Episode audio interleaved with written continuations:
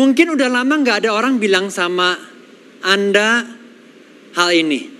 Tapi saya mau bilang, you are love. You have a purpose, you are needed, and you have a choice. Saya mau bilang dalam hidup, kamu punya pilihan. Wow, oke kita akan belajar hari ini, uh, bulan yang baru ini kita akan belajar soal yang namanya menjadi berkat di marketplace. Jadi sebuah anugerah, sebuah uh, opportunity kalau saya boleh ceritain. Nah saya akan cerita ada seseorang yang hidupnya berpengaruh. Di marketplace dia sangat berpengaruh.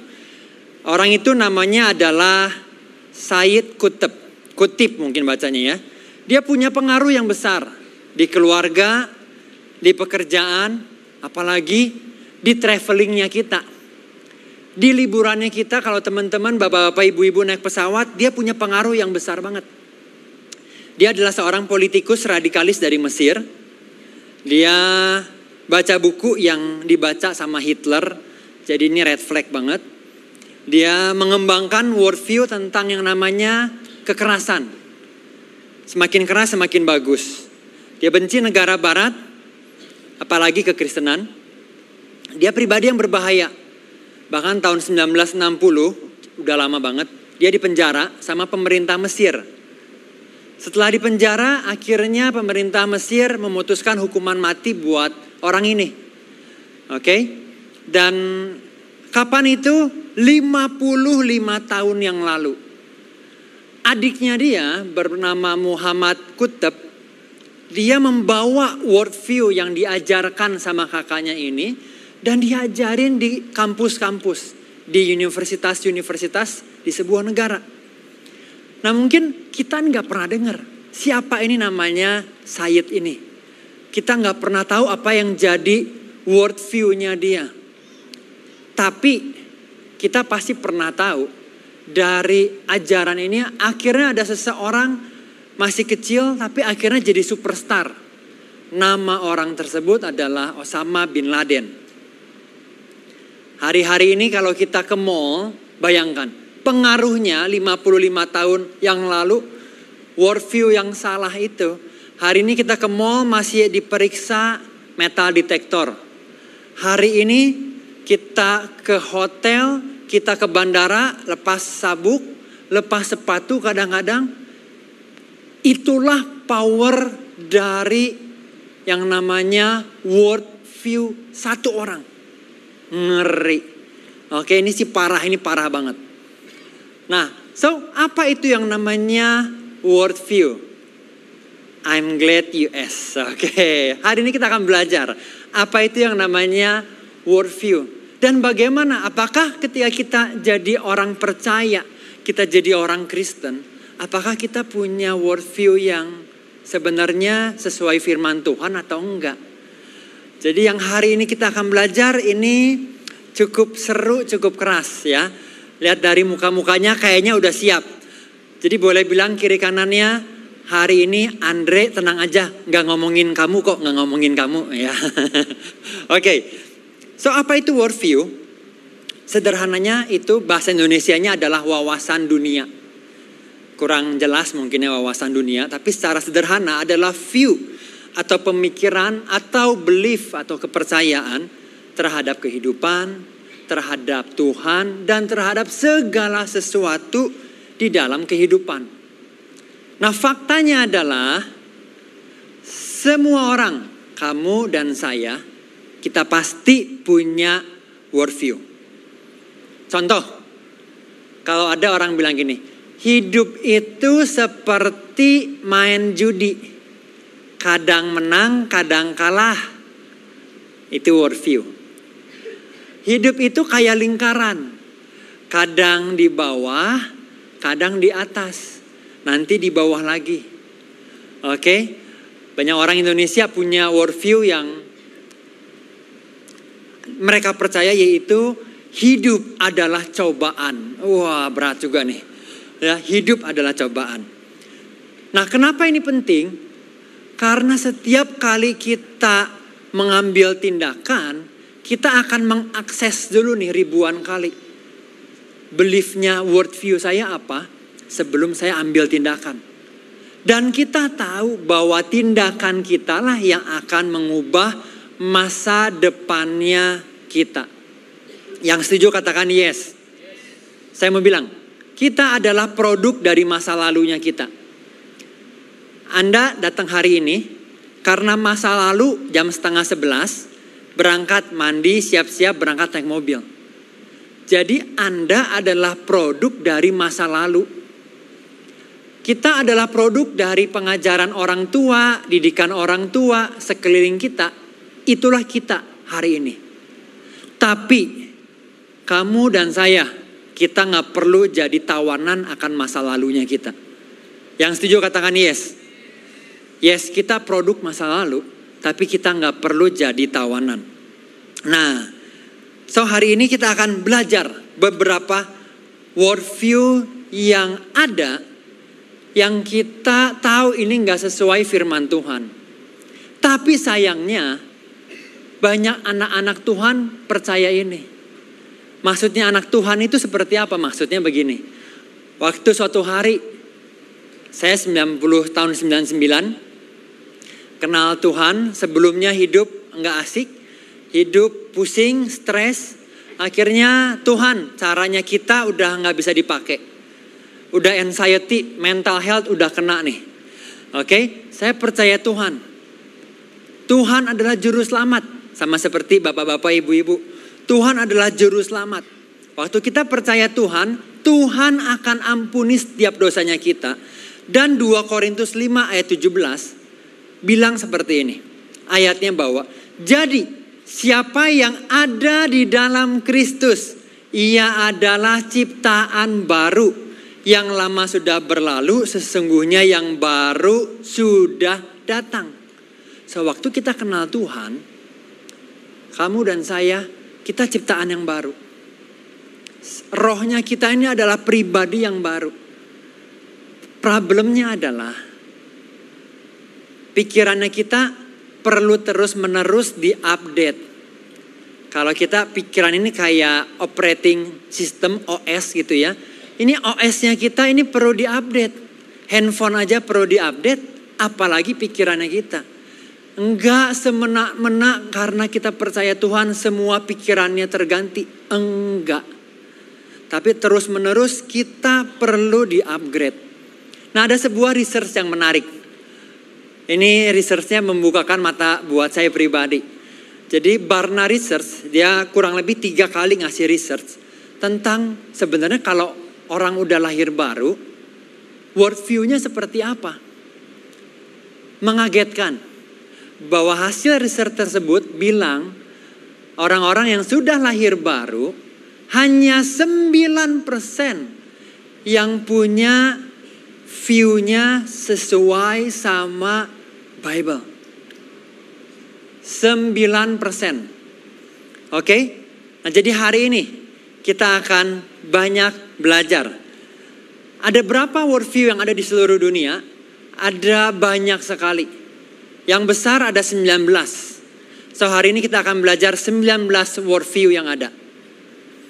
Beberapa udah mulai gelisah kayaknya ya kalau 19. Enggak, kita akan belajar tiga aja. Oke yang pertama, uh, siapkan catatannya udah siap bapak-bapak ibu-ibu?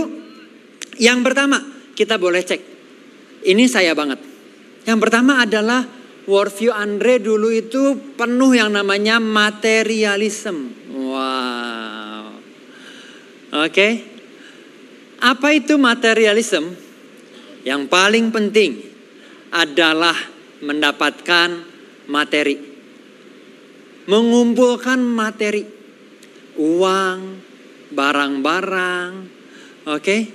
Tagline-nya adalah lebih, lebih, dan lebih. Oke. Okay? Bagaimana caranya mau lebih happy? Mudah. Punya uang lebih banyak. Pernah dengar nggak? Andaikan gue punya income lebih besar ya. Kayaknya masalah hidup gue itu akan selesai. Materialism. Andaikan gue punya uang kayak dia. Aduh gue itu akan lebih happy nih. Kalau rumah gue lebih besar dikit aja. Gue akan lebih bagus. saya akan lebih berharga. Kalau saya punya handphone baru aja nih yang keren sama seperti orang itu. Kayaknya lebih senang hidup gua. Kalau saya nggak punya uangnya, caranya pay now, eh buy now, pay later. Kalau gua nggak punya uangnya, gesek dulu aja, cicilan 12 kali. Oke? Terus cerita di Komsel, eh saya bersyukur loh beli handphone ya, cicilan 12 kali. Oke. Itu problem. Ada sebuah statement saya suka ulang-ulang. Ini statementnya bagus banget. Statementnya bilang begini nih. Most of your problem are caused because of our inability to delay gratifikasi. Kebanyakan masalah saya dan kamu adalah karena ketidakmampuan kita menunda kenikmatan yang instan. Kebanyakan masalah kita karena udah dibilangin jangan beli dulu, mau beli sekarang. Jangan pacaran dulu, enggak mau, mau sekarang. Kebanyakan masalah suami istri karena seharusnya statement begini jangan diomongin lagi konflik. Tapi nggak bisa. Gila gue nggak tahan banget. Ya, gue mau ngomongin ya sekarang. Pokoknya ini kalau udah ngomong, saya dapat gratifikasi, saya dapat apa ya, kepuasan. Kayaknya lega loh, gue itu udah omongin lega. Nggak tahu dianya gimana, tapi sayanya lega. Kebanyakan masalah kita karena ketidakmampuan untuk menahan. Tenang, mau beli mobil, tunggu aja ya setahun depan. Aduh nggak kuat. Tetangga udah beli, ya. Dia aja duitnya gua tahu berapa, dia aja bisa beli. Kita kenapa enggak? Dan waktu kita punya sepatu barunya, waktu kita punya barang barunya, wih di kayaknya ke gereja itu kita feeling orang-orang kayak ngeliatin kita gitu ya. Oh, mau angkat tangan itu kayak lebih sah gitu. Oke. Materialisme bilang bahwa kebahagiaan bisa dibeli. Sering kita dengar orang suka bilang gini nih. Saya tahu lah ujung-ujungnya duit UUD. Di pikiran orang itu mau pelayanan, mau pendeta, mau bisnis, hubungan, semuanya ujungnya adalah duit. Oke? Bagaimana menurut firman Tuhan? Oke, okay? Lukas 12 ayat 15b. Bilang hal yang menurut saya ini asik banget. Firman Tuhan bilang gini. Bahasa Inggrisnya ya. Life is not defined but what you have. Even when you have a lot. Hidup kita our self worth is not our net worth. Berharganya Andre, berharganya kamu di hadapan Tuhan tidak ada pengaruhnya sama berapa besar income yang kita punya. Apa yang kita having, apa yang kita doing bahkan. Tuhan nggak begitu care. Karena Tuhan sangat care beingnya kita. Kita ditebus sama Tuhan. So hidup kita bukan ditentukan sama uang yang kita punya. Jadi kalau ke kantor besok bukan karena income lagi kecil, duit udah habis, terus mukanya udah kayak, wih ketahuan ini mah lagi nggak ada duit gitu ya. Jangan, jangan. Karena uang kita bukanlah kebahagiaan kita. Oh, gue itu tenang kalau di dompet saya punya temen yang kalau di dompet ada sejuta, jadi setiap hari dia siapin uangnya sejuta. Kalau di dompet ada sejuta, dia ngerasa tenang, damai. Pernah gak ketemu orang yang, pernah denger gak? Waktu dompetnya hilang, entah di mana, ya, dia bilang gini nih, mati gua, mati gua. Kenapa? Dompet hilang, mati gua. Aduh, dompet di mana ya? Padahal sebulan nggak saat teduh nggak baca Bible, ya, enggak doa, dia nggak bilang mati. Tapi begitu duitnya hilang, dia bilang mati gua, mati gua. Artinya uang mempengaruhi hidup dan mati buat orang ini. Bersyukurnya Tuhan kita nggak memandang dari segi keuangan kita. Itulah yang pertama. Yang kedua, oke, okay? Worldview yang kedua yang salah yang ada di dunia ini, yang namanya adalah hedonism. Apa itu hedonism? Ini itu kita suka bilang namanya hedon, ya boleh mirip. Nah hedon ini bukan berarti kalau kita ke beach club di Bali di Canggu ke Atlas selama seminggu artinya kita hedon bukan berarti itu tapi orang-orang hedon itu bilang bahwa hal yang paling penting dalam hidup saya adalah perasaan saya kalau perasaan gua feeling good berarti yang gua lakuin bagus kalau gua feeling nggak bagus Oh berarti yang gue lakuin gak bagus. Kalau perasaan gue udah pengen banget pacaran. Walaupun orang tua bilang jangan. Walaupun Bapak Rohani bilang ini cumi-cumi darat jangan lupa cariin. Tapi karena gue udah feeling good banget. Gue lakuin. Seringkali kita ini termasuk saya enggak realize kalau saya ini hedonism. Oke. Okay? Kalau tujuan ultimate goals kita bekerja. Semua dari kita kebanyakan ada di marketplace. Kalau ultimate goals kita bekerja, berbisnis adalah supaya di umur 55 Andre, saya pengen bisa punya duit, ngalir terus. Saya pengen punya bahasa Indonesianya gini nih. Ongkang-ongkang kaki, duit dapat cah. Wah ini mah goals hidup gua banget, ini mah gua banget. Nggak harus berkontribusi, nggak usah berdampak. Tapi goals gua adalah nanti hidup gua tenang, nyaman. Karena feelingnya gua nyaman. Berbahaya kalau hidup hanya mengandalkan feeling adalah, oke, okay, karena feeling berubah-ubah. Yang setuju katakan yes. Kalau Andre sayang sama istri, istri gue namanya Yoke, karena feeling berbahaya. Karena saya masih ingat, saya pribadi, empat hari setelah jadian, yang dulu saya menggebu-gebu, saya tanya sama Kak Victor, Bapak Rohani, boleh nggak, Beh, saya pacaran sama Yoke? Kak Victor bilang, enggak boleh, belum waktunya. Saya masih ingat, saya ke Jalan Dago, saya buka kaca jendela, Gua teriak, Tuhan, tolong cabut ini perasaan Tuhan. Karena kata Bapak rohani belum waktunya. Wah hilang loh beneran. Ya tiga bulan, empat bulan hilang. empat bulan ada lagi. Jadi even gue udah struggle besar punya cewek tercantik di seluruh ruangan ini. Cie. Saya ada di masalah besar kalau gue nggak bilang begitu soalnya ya.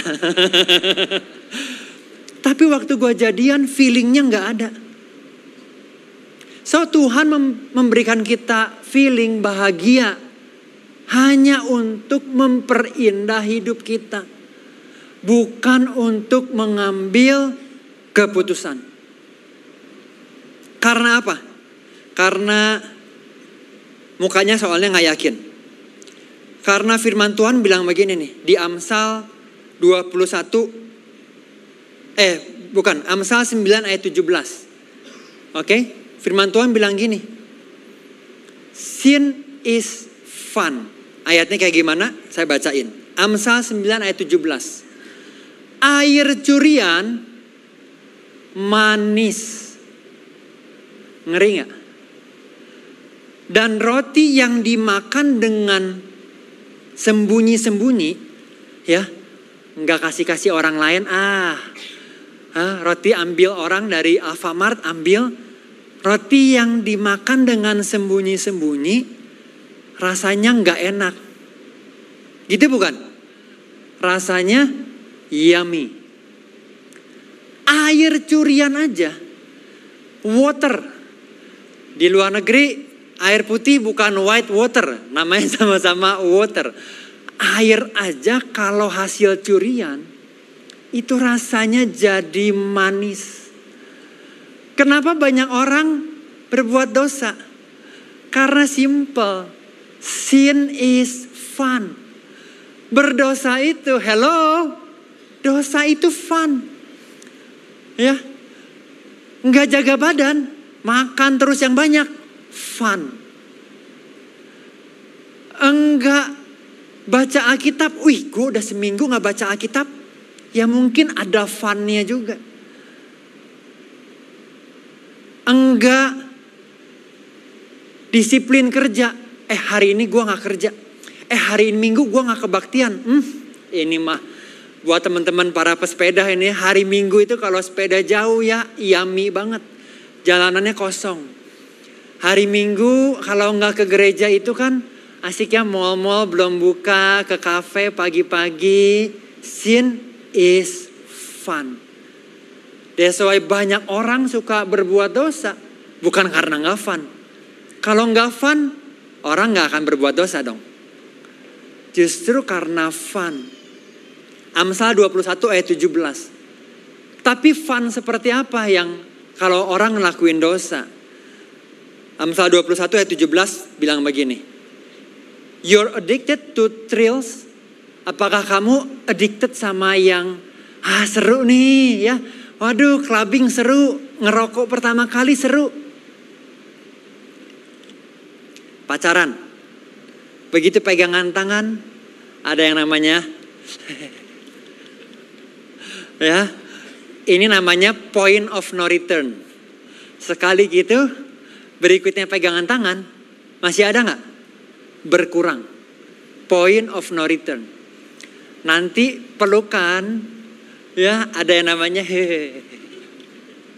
Ya, nanti begitu pegang yang harusnya dipegang, huh. Kalau kita addicted to thrills, what an empty life. Iya apalagi ya, wih ini apalagi yang lebih adventure ya. Karena the pursuit of pleasure is never satisfied. Kalau kita mau ngejar sin, saya mau bilang yes, fun. Kalau nggak kerja itu fun. Santai di rumah itu fun. Pacaran sama yang salah, ngelakuin hal yang salah juga fun. Yang ketiga, worldview yang ketiga dan yang terakhir. Oke, boleh senyum dulu ke kanan kirinya, soalnya mukanya rada galak nih kayaknya nih. Boleh senyum dulu, senyum dulu ya.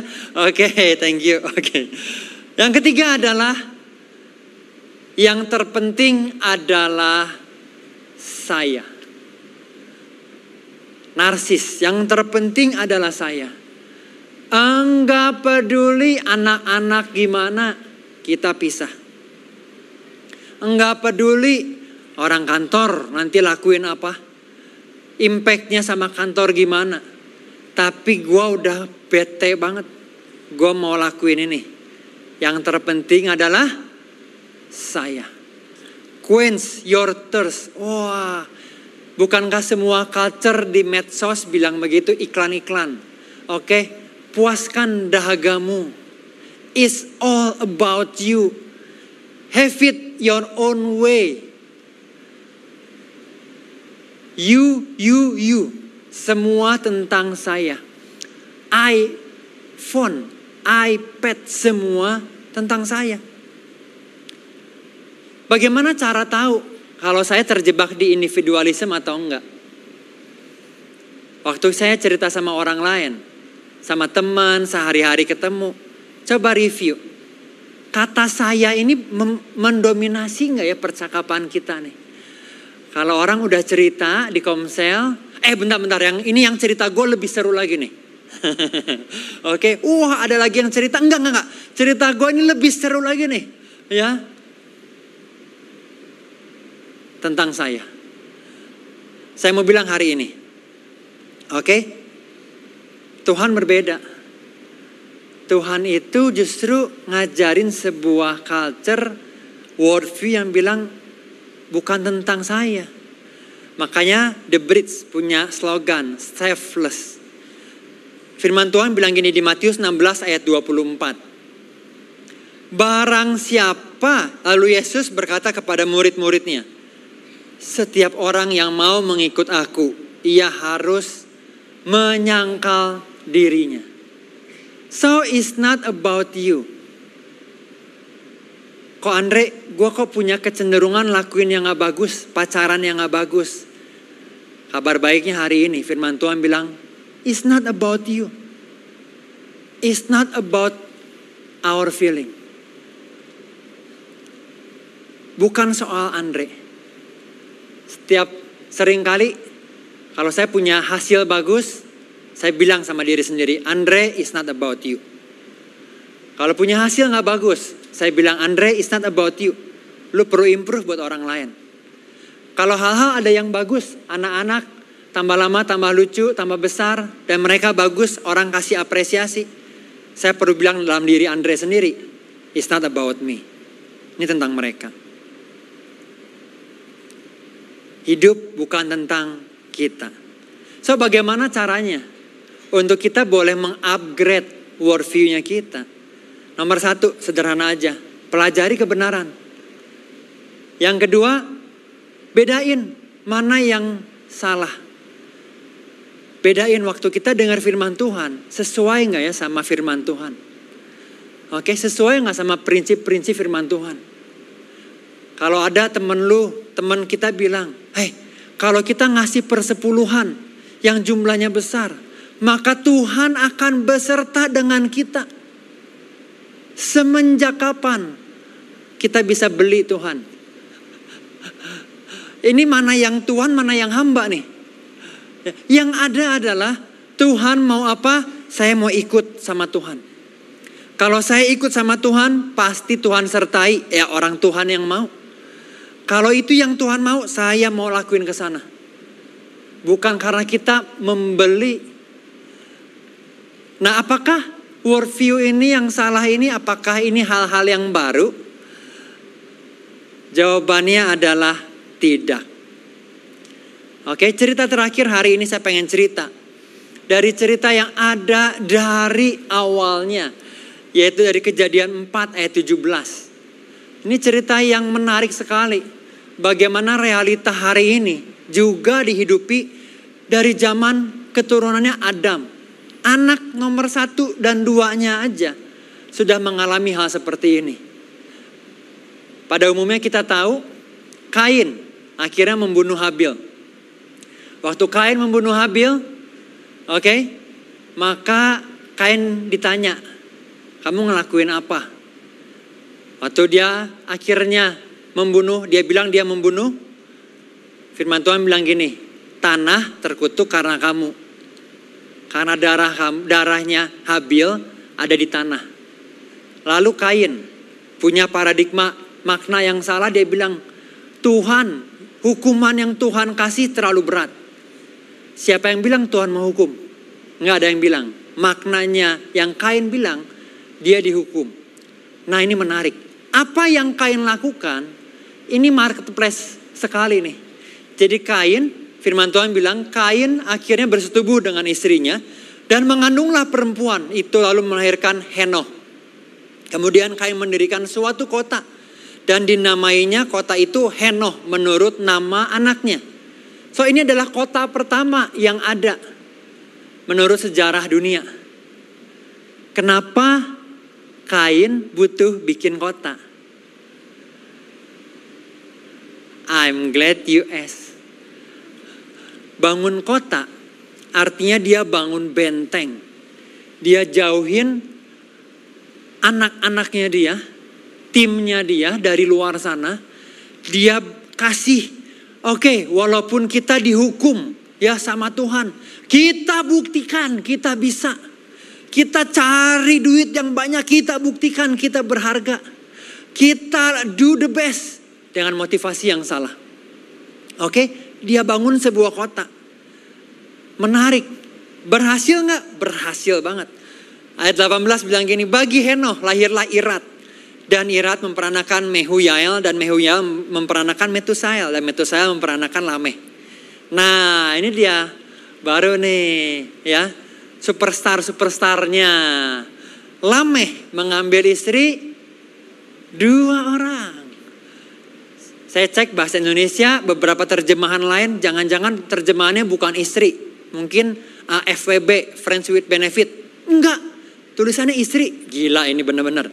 Yang satu namanya Ada, yang lain namanya Zila. Pribadi pertama di seluruh muka bumi yang punya dua istri.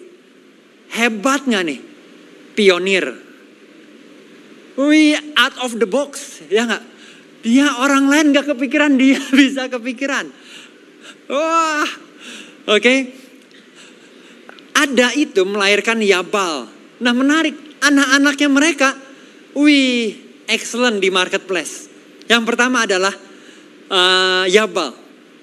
Dialah yang menjadi bapak orang yang diam dalam kemah dan memelihara ternak. Nah, kemah ini bukan kemah pramuka ya. Bukan yang dijual mau camping, bukan.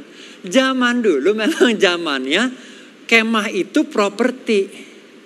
Jadi ini tuh kayak apa ya Agung Podomoro sekarang, Sedayu Group sekarang gitu loh ya hadiratnya itu kalau ada di sebuah ruangan makan ya saya nggak tahu kalau Chinese kita ya ada ruangan makan besar ya orang akan bisa spot mana yang paling sukses. Wih itu anaknya si ini. Wih duduk aja udah beda. Posturnya itu salaman udah. Wah ini nih Yabal. Oke. Okay? Yabal punya properti dan dia punya ternak. Ternak itu makanan transportasi.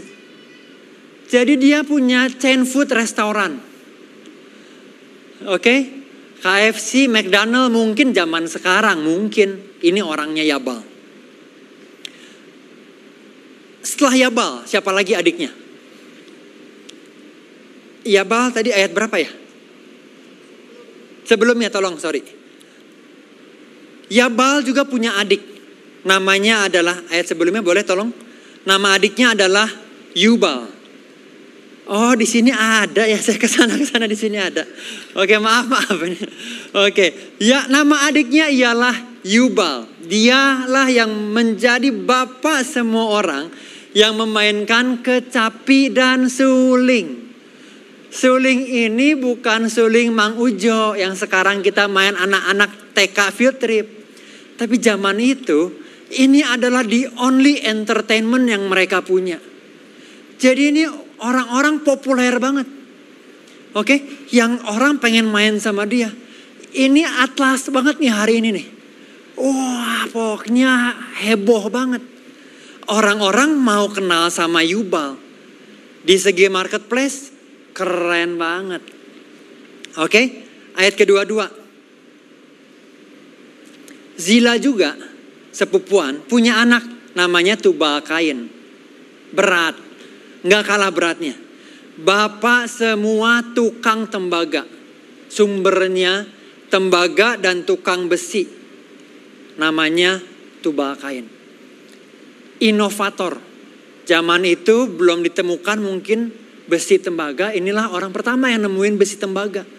Jadi kalau inovator hari ini kayak techpreneur mungkin ya Orang ciptain Apple, ciptain Samsung, namanya jadi quotes di mana-mana. Orang berhasil sebutin di mana-mana. Hebat banget. Ayat kedua tiga.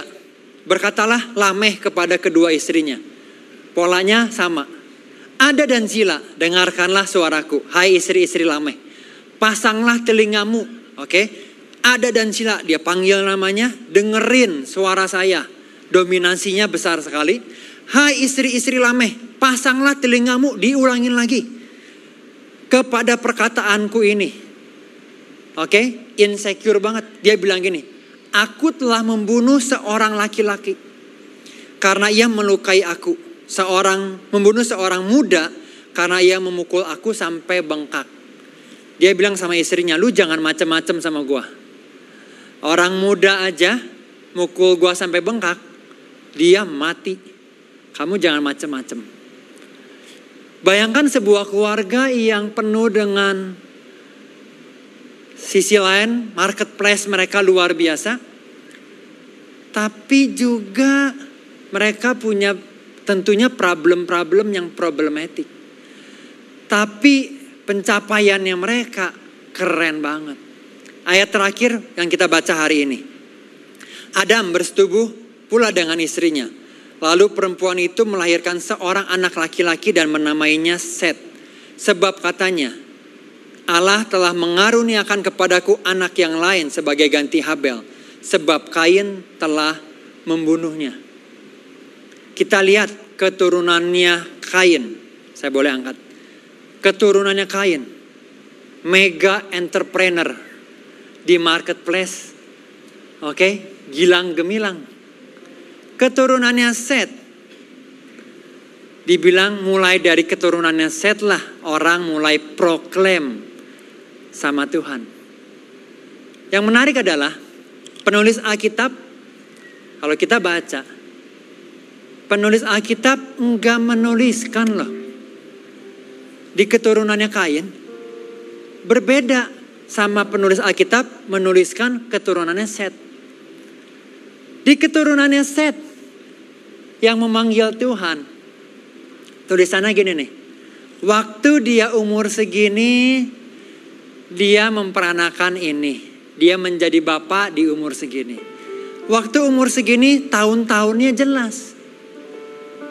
Yang menarik adalah, di keturunannya Kain, tidak dicatat tahun berapa mereka hidup, tahun berapa mereka mati seakan-akan Bible lagi nulis. Nggak penting hari-harinya ini, nggak penting tahun-tahun kegemilangan ini. Nggak penting apa semua struggle yang dilakuin di sini. Yang mungkin menurut orang lain sebuah pencapaian yang luar biasa. Berbeda dengan keturunan Seth dari keturunan Set yang rendah hati ini, ada satu hamba yang setia. Superstar juga sih. Namanya adalah Nuh. Waktu air bah datang, semua bintang-bintang, pencapaian-pencapaian, bangunan-bangunan tinggi, semua karya-karya terbaik, semuanya hilang di telan air. Hanya tinggal keturunan Set bernama Nuh. Yang dia setia, yang dia tahu bahwa Tuhanlah yang mencukupkan. Tentunya kita dengar ceritanya Nuh penuh dengan kerja keras, disiplin, faith yang luar biasa. Akhirnya inilah yang terjadi So pilihannya ada di tangan kita hari ini. Ada banyak worldview yang dunia coba kasih lihat. Ada banyak worldview yang bertabrakan dengan apa yang ada di gereja hari-hari ini. Pertanyaannya adalah, worldview mana yang kita mau percaya? So hari ini bolehkah saya bertanya tiga pertanyaan untuk membawa kita ke masa depannya kita. Bapak-bapak, ibu-ibu, saudara-saudara boleh tutup mata dan boleh kita merenung bareng. Think about this. Worldview apa yang paling berpengaruh dalam hidup saya? Kalau saya ketemuan sama teman, hal apa yang gue ulang-ulang terus menerus gue omongin? Kalau gue ngobrol apa yang terus menerus? Yang kedua, apa yang menahan kamu untuk tidak berserah sama prinsipnya firman Tuhan? Apakah ada worry? Apakah ada ketakutan? Dan yang ketiga yang terakhir. Apakah kamu pribadi yang memegang teguh janjinya Tuhan, prinsipnya Tuhan? Walaupun saat-saat ini ada tes, ada cobaan, ada sebuah ujian yang besar, ada rintangan yang begitu besar menggoda kita untuk keluar dari prinsipnya firman Tuhan. Saya mau bilang pagi hari ini buat Anda, don't give up. Tetap menabur. Tetap berpegang pada janjinya Tuhan. Karena satu hal yang saya tahu, your faith will be rewarded.